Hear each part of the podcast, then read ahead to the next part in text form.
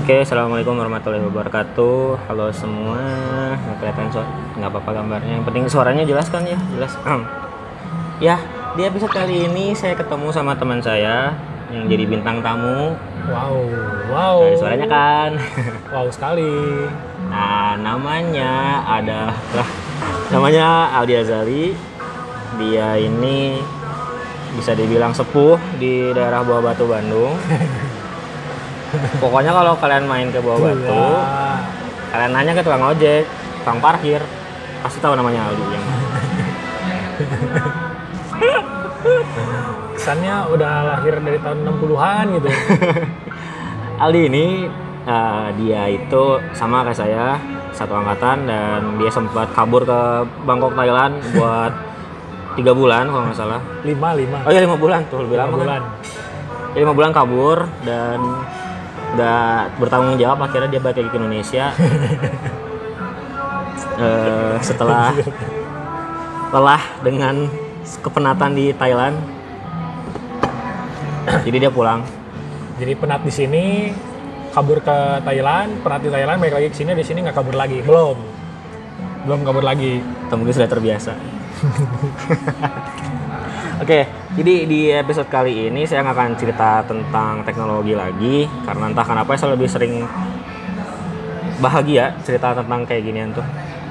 Oke, di episode ini saya mau cerita tentang permasalahan yang udah terjadi secara umum nih, khususnya di zaman-zaman sekarang.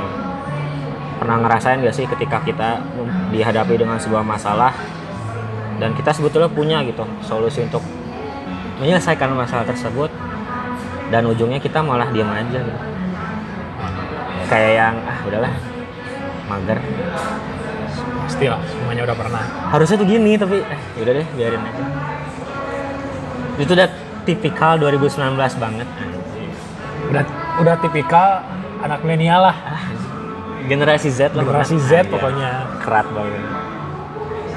Kenapa saya ajak teman saya Aldi dengan ber- berbincang de- tentang tema kali ini karena memang dia pun mengalami hal yang sama, Lur. Hmm. Di akhir-akhir ini menjelang umurnya yang ke-27, Wow. Merak saya jadi lebih tua dari Anda ya, padahal sebenarnya Anda lebih tua dari ibu saya. minus 3.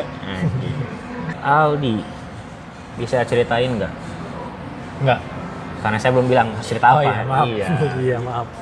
Bisa, Merek bisa ya? ceritain nggak tentang di sekitar hidup Aldi, di hidup seorang Aldi nih, ada nggak sih orang-orang yang memang mengalami hal tersebut? Kita berbicara orang-orang di sekitar kamu ya, gitu. Masalah gimana nih? orang bermasalah yang tadi ketika dia dihadapi suatu problem dia diem Oh, aja. jadi ketika dia udah tahu solusinya, kalaupun dia tahu solusinya, dia tidak berbuat apa-apa gitu. ya ada nggak sih orang-orang di sekeliling kamu tuh yang kayak gitu? Banyak, banyak kok. Banyak apalagi teman-teman yang seumuran, adik tingkat, adik tingkat, yang kayak gitu. Banyak Anjay. kok. Di keluarga, bahkan di, di keluarga sendiri pun ada gitu. Sampai saudara-saudara saya sendiri pun ada. Ketika mereka diterpa masalah, eh, mereka bingung harus ngelakuin apa. Padahal mereka sendiri tuh udah tahu solusinya tuh apa gitu. Tapi mereka lebih memilih untuk diam gitu. Sering nggak ketika mereka udah ngelewatin fase itu mereka menyesal gitu kayak aduh kenapa sih nggak kayak gini tadi? Kenapa ya nggak gini? Kalau disebut sering, saya kurang tahu juga sih. Mungkin saya karena nggak bertanya sama mereka juga. Tapi kalau disebut iya atau enggak, saya sendiri ngalamin hal seperti kayak gitu. Waduh. Tadi kan kita cerita tentang orang-orang sekitar kamu deh. Sekarang Aldi sendiri.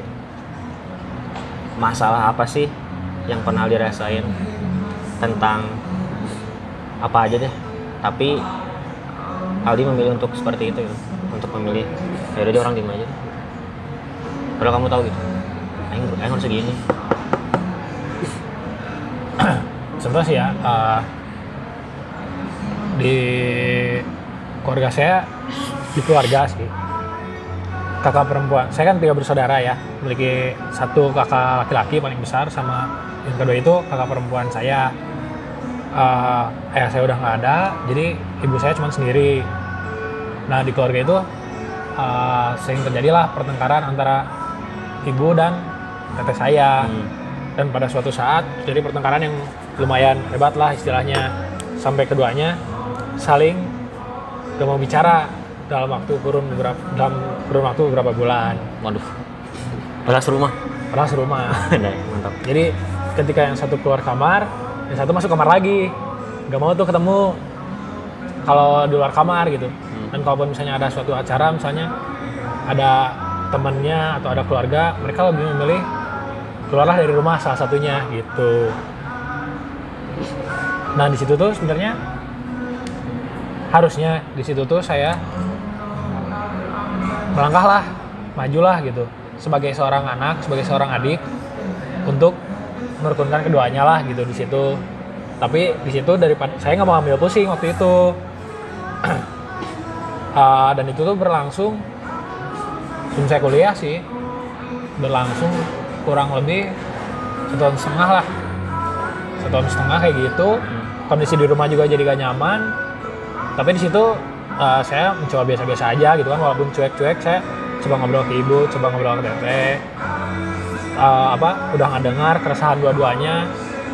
Dan yang seharusnya di situ tuh saya bisa jadi penengah tapi saya udahlah jadi teman curhat aja gak mau ngebantuin.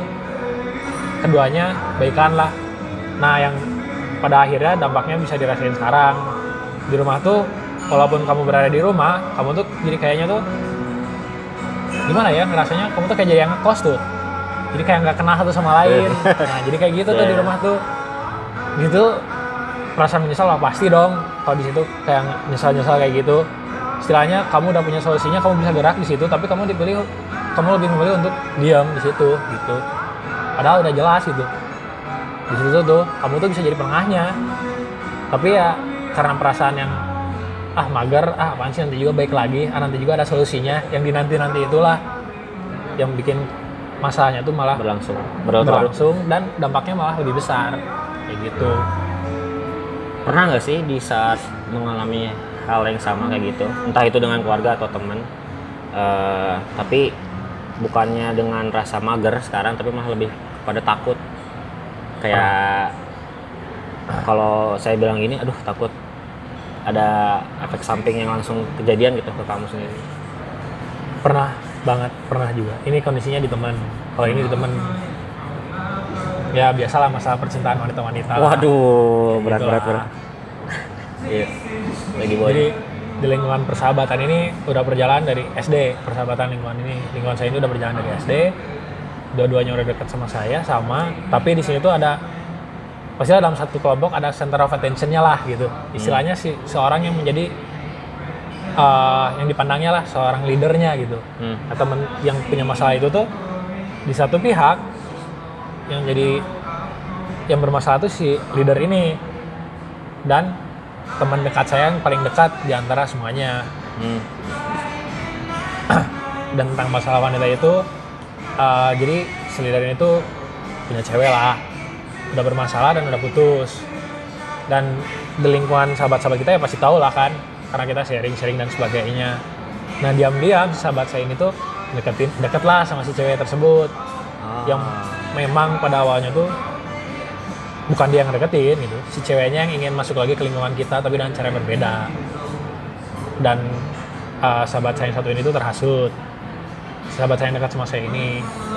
Nah di situ ya sama ceritanya uh, apa? Dua-duanya cerita ke saya lah. Yang si leader ini juga udah tau lah gitu sebenarnya si sahabat saya yang satu ini tuh sama si cewek itu tuh udah deket gitu udah tahu namun dia nggak bilang gitu. Di situ tuh uh, udah dan pada suatu saat ributlah mereka. Tapi bukan karena hal itu gitu. tapi uh, bukan karena hal itu awalnya. Oh, ada hal lain ya. dan ada hal lain. Oh, iya. ada hal lain yang merembet ke masalah itu. Oh. nah di situ tuh saya mau ngebela yang mana nih? Kalau saya ngebela ini saya takut kehilangan yang ini. Hmm. sedangkan kalau saya ngebela yang ini saya takut kehilangan yang satu lagi. Nah dari situ ya itu juga saya lebih diem. Lebih milih diem sebenarnya. Dan saya kehilang dan saya sekarang kehilangan sahabat saya yang satu ini. Sahabat yang memang dekat sama saya eh, udah dalam kitaran 12 tahun lah istilahnya. Jadi karena dan sampai sekarang juga saya nyalain diri sendiri sih sebenarnya. Karena kenapa saya di situ tuh nggak punya decision makingnya lah istilahnya. Kenapa saya ngambil keputusan bahwa saya tuh seenggaknya kalau saya ngebela salah satu di antara mereka berdua walaupun ada kisruh atau pertemanan yang rusak seenggaknya silaturahmi masih bisa jalan lah sedangkan sekarang sampai putus banget silaturahminya. Kayak gitu. Fear oh berat. Cewek ini rusak nih. Kacau. Padahal di situ eh, kamu mah nggak diposisikan sebagai yang terlibat gitu ya. nggak di situ nggak terlibat. Tapi hanya memang punya kesempatan untuk memperbaikinya. Hanya saja memilih diam Iya. karena takut kehilangan yang mana ujungnya malah benar-benar kehilangan kehilangan juga rasa, gitu. rasa takutnya itu malah jadi kenyataan gitu bodohan bodoh saya itu Waduh. dan nggak pernah belajar gitu Sebetulnya kalau hal seperti itu tuh alamiah nggak sih buat zaman sekarang?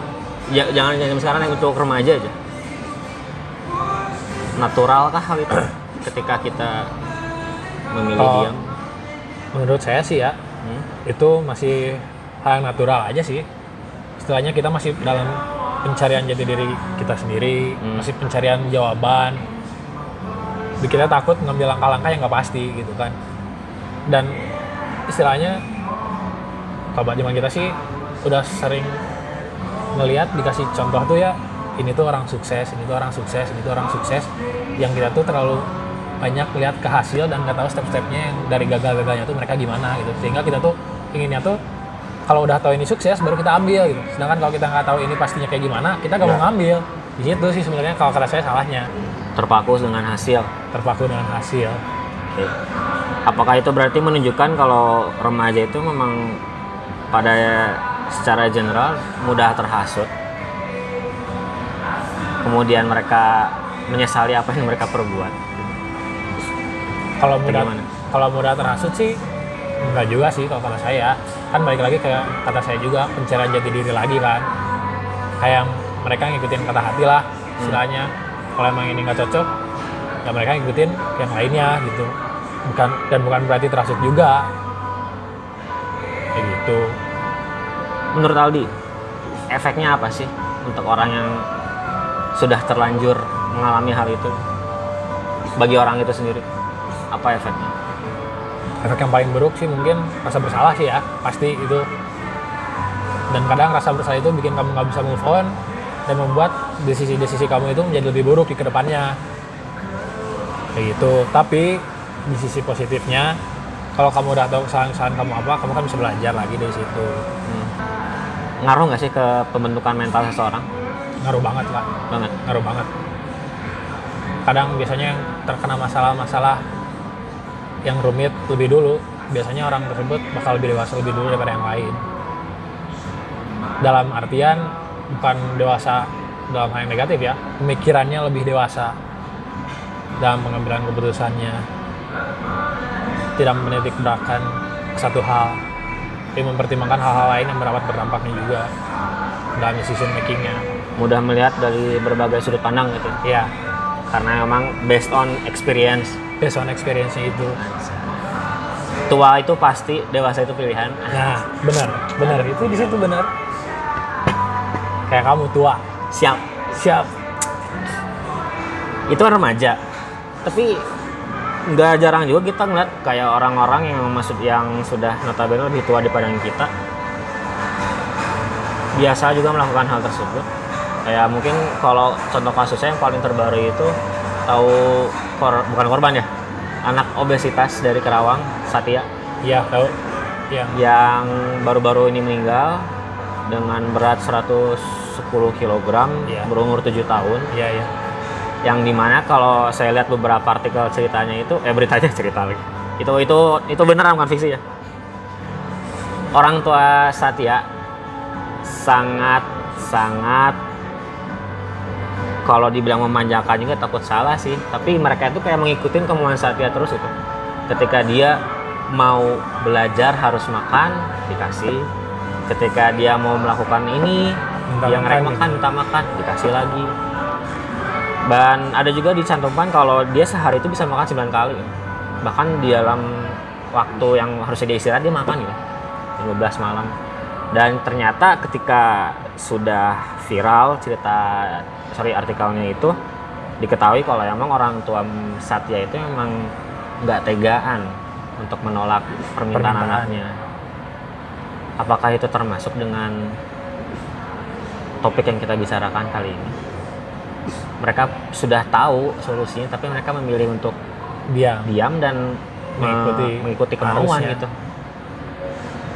menurut saya sih eh, termasuk sih ya itu kasus kayak gitu tuh termasuk sih istilahnya. Tapi dalam konteks background yang berbeda. Hmm, gimana tuh ceritanya? kalau saya lihat dari sini sih rasa kasih sayang ke anak. Oh, beda dengan kita yang sayang. masih masih remaja. Takut akan dampak terhadap dirinya sendiri. Sedangkan kalau dengan kasus si Satya itu orang tuanya takut kalau misalnya turut eh, apa keinginan Satyanya itu tidak di- diikuti Hmm. akan berdampak terhadap Satyanya bukan kepada orang tuanya loh. Beda kan ya sedangkan Hmm. kita zaman zaman sedangkan kita anak-anak milenial generasi ABG ABG remaja-remaja masih umur belasan umur 20-an belum punya anak dan sebagainya. Kita lebih takut kalau kita membuat desisi kita takut dampaknya terhadap diri kita sendiri loh. Bukan dampaknya yang terhadap orang lain. Hmm. seperti itu. Ya, jadi beda di poin di dampaknya sih. Lebih takut dampak terhadap diri sendiri atau ketika terhadap satria itu dampak terhadap anaknya lah gitu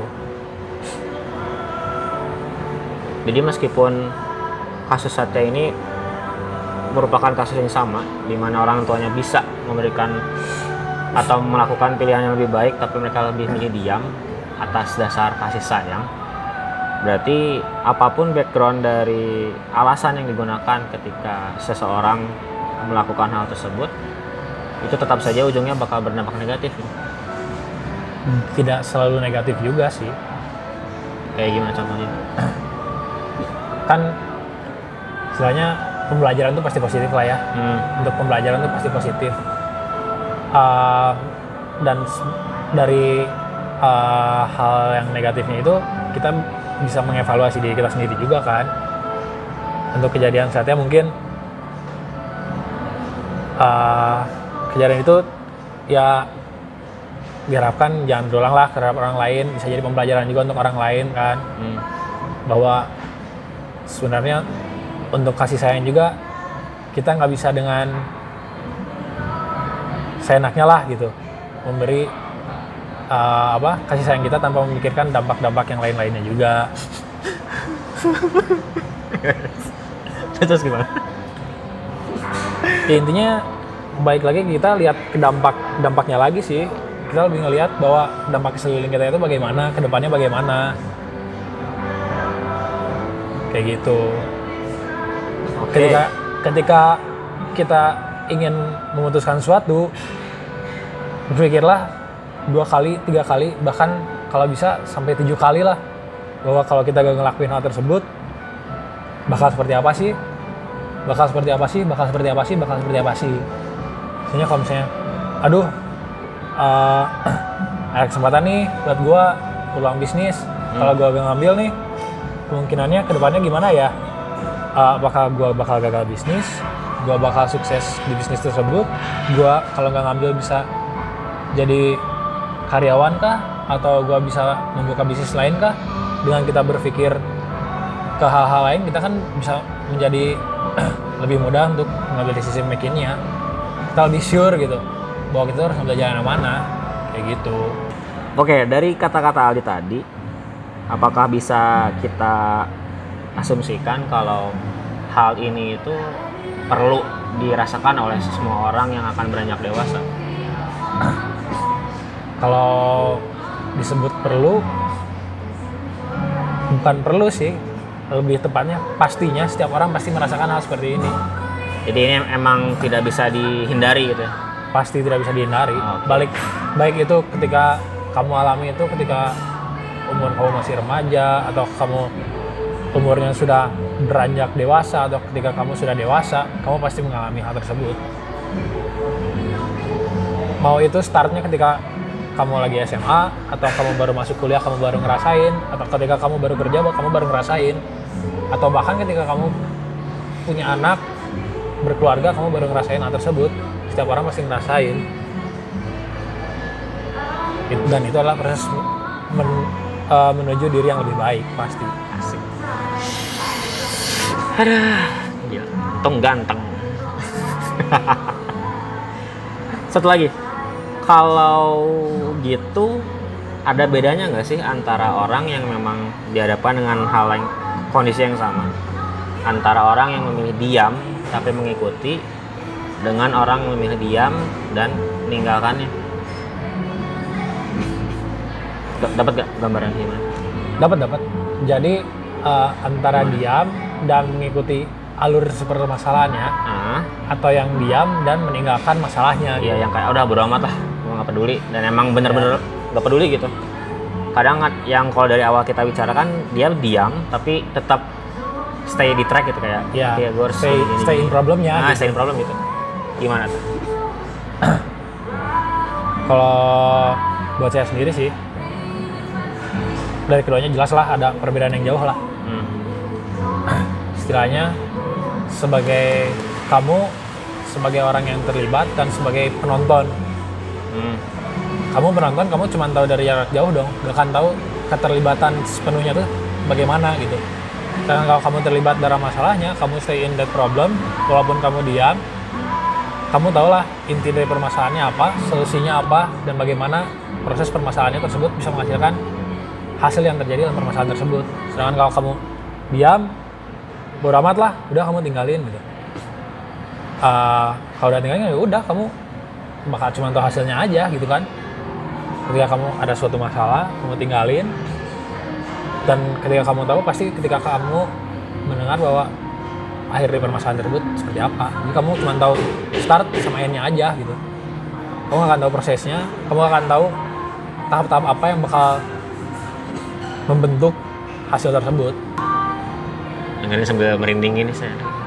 disco Aduh, merinding. Banyak banyak penghuni sini. jurnal Risa mana jurnal Risa jurnal Risa di sini merinding jurnal Ini. Abi ngerasakan nih dia. Terakhir, ada nggak semacam tips atau wejangan dari seorang Ali kepada semua remaja-remaja tanggung di luar sana? Enggak.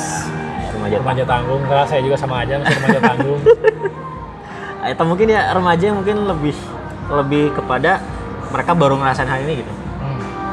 ada nggak eh, pesan buat mereka tips buat mereka untuk menghadapi fase hidup mereka khususnya apabila berhadapan dengan kasus ini tips dari saya ketika kamu uh, udah yakin dengan solusi dari permasalahan tersebut jalanin aja. Toh kalau kamu diem juga kalau gagal hasilnya sama aja kok kayak kamu waktu diem. Kenapa nggak kamu jalanin aja gitu si solusinya? Kalau kamu diem kan kamu tinggalin gitu. Si problemnya uh, bakal menghasilkan masalah yang gimana ya jelasinnya? Aduh susah juga ya Ya, aduh aduh aduh aduh. Susah nyusun kata-katanya nih. Takut ada yang bocor. Tapi kebocoran nih. Aduh. Aduh aduh. Gini deh uh, tipsnya. Pokoknya kamu kalau udah tahu hasilnya kalau udah tahu solusi dari masalahnya sorry bukan hasilnya. Kamu tahu langkah-langkah apa yang, yang harus ambil kamu lakuin aja gitu. Seburuk-buruknya gagal bakal jadi pengalaman kamu juga tuh. Hmm. Dan sebaik-baiknya itu bakal menjadi hasil yang baik buat kamu juga. Kayak gitu aja sih. Percaya sama diri kamu sendiri bahwa kamu bisa menyelesaikan masalah yang ada dalam hidup kamu. Gitu aja. Karena Tuhan tidak akan pernah memberikan cobaan yang tidak bisa kamu lewati. Luar biasa. Luar biasa. Aldi Azali Silverway jangan dong apa dong? Nanti kayak yang Golden Ways yang udah-udah.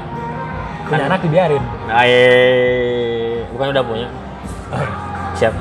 Ya siap jangan dikasih tahu pak. Jadi itu terlantar di Thailand.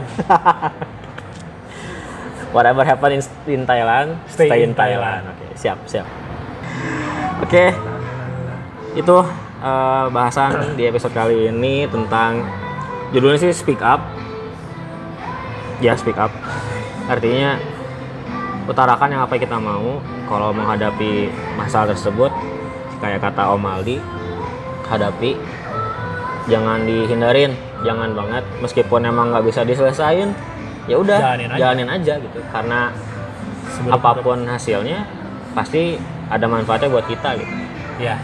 Meskipun kalau berhasil langsung kelihatan kalau nggak berhasil kelihatannya nanti tapi nggak ada yang buruk gitu dari permasalahan tersebut gitu. Kalau kita emang mau dan niat stay di situ jangan pernah kabur dari masalah. dari masalah. Kecuali masalahnya ngejar-ngejar kamu terus. Nah iya. Gebuk aja masalahnya itu mah kebangetan ini beres ada lagi. Ini beres ada lagi. Ya udahlah emang udah gitu ayo udah terima kasih buat teman-teman yang dengerin. Mohon maaf kalau nyambung sama backsound ini kita lagi di cafe habis makan. Kalau bisa diedit nih saya edit ya backsoundnya kita pakai lagu gagak ya? Ah, ah. ya no ini tiktokers. Oh ya terima kasih juga Om Aldi. Sama-sama kepada bapak Dira. Ilmunya semoga bermanfaat. Semoga bisa. Amin menjadikan Om Aldi yang lebih baik lagi ke depan. amin terima kasih untuk bapak Dira Sama-sama. Tapi bapak, bapak saya di rumah. oh iya iya maaf untuk Om Dira aja deh Omnya di rumah juga ya Sama rumah juga. oh iya Kak Dira deh Oh, kan gak punya kakak nggak punya kakak. iya gak punya kakak ya Siap, siap. Oke, terima kasih. Dadah. Wassalamualaikum warahmatullahi wabarakatuh. Gemai out.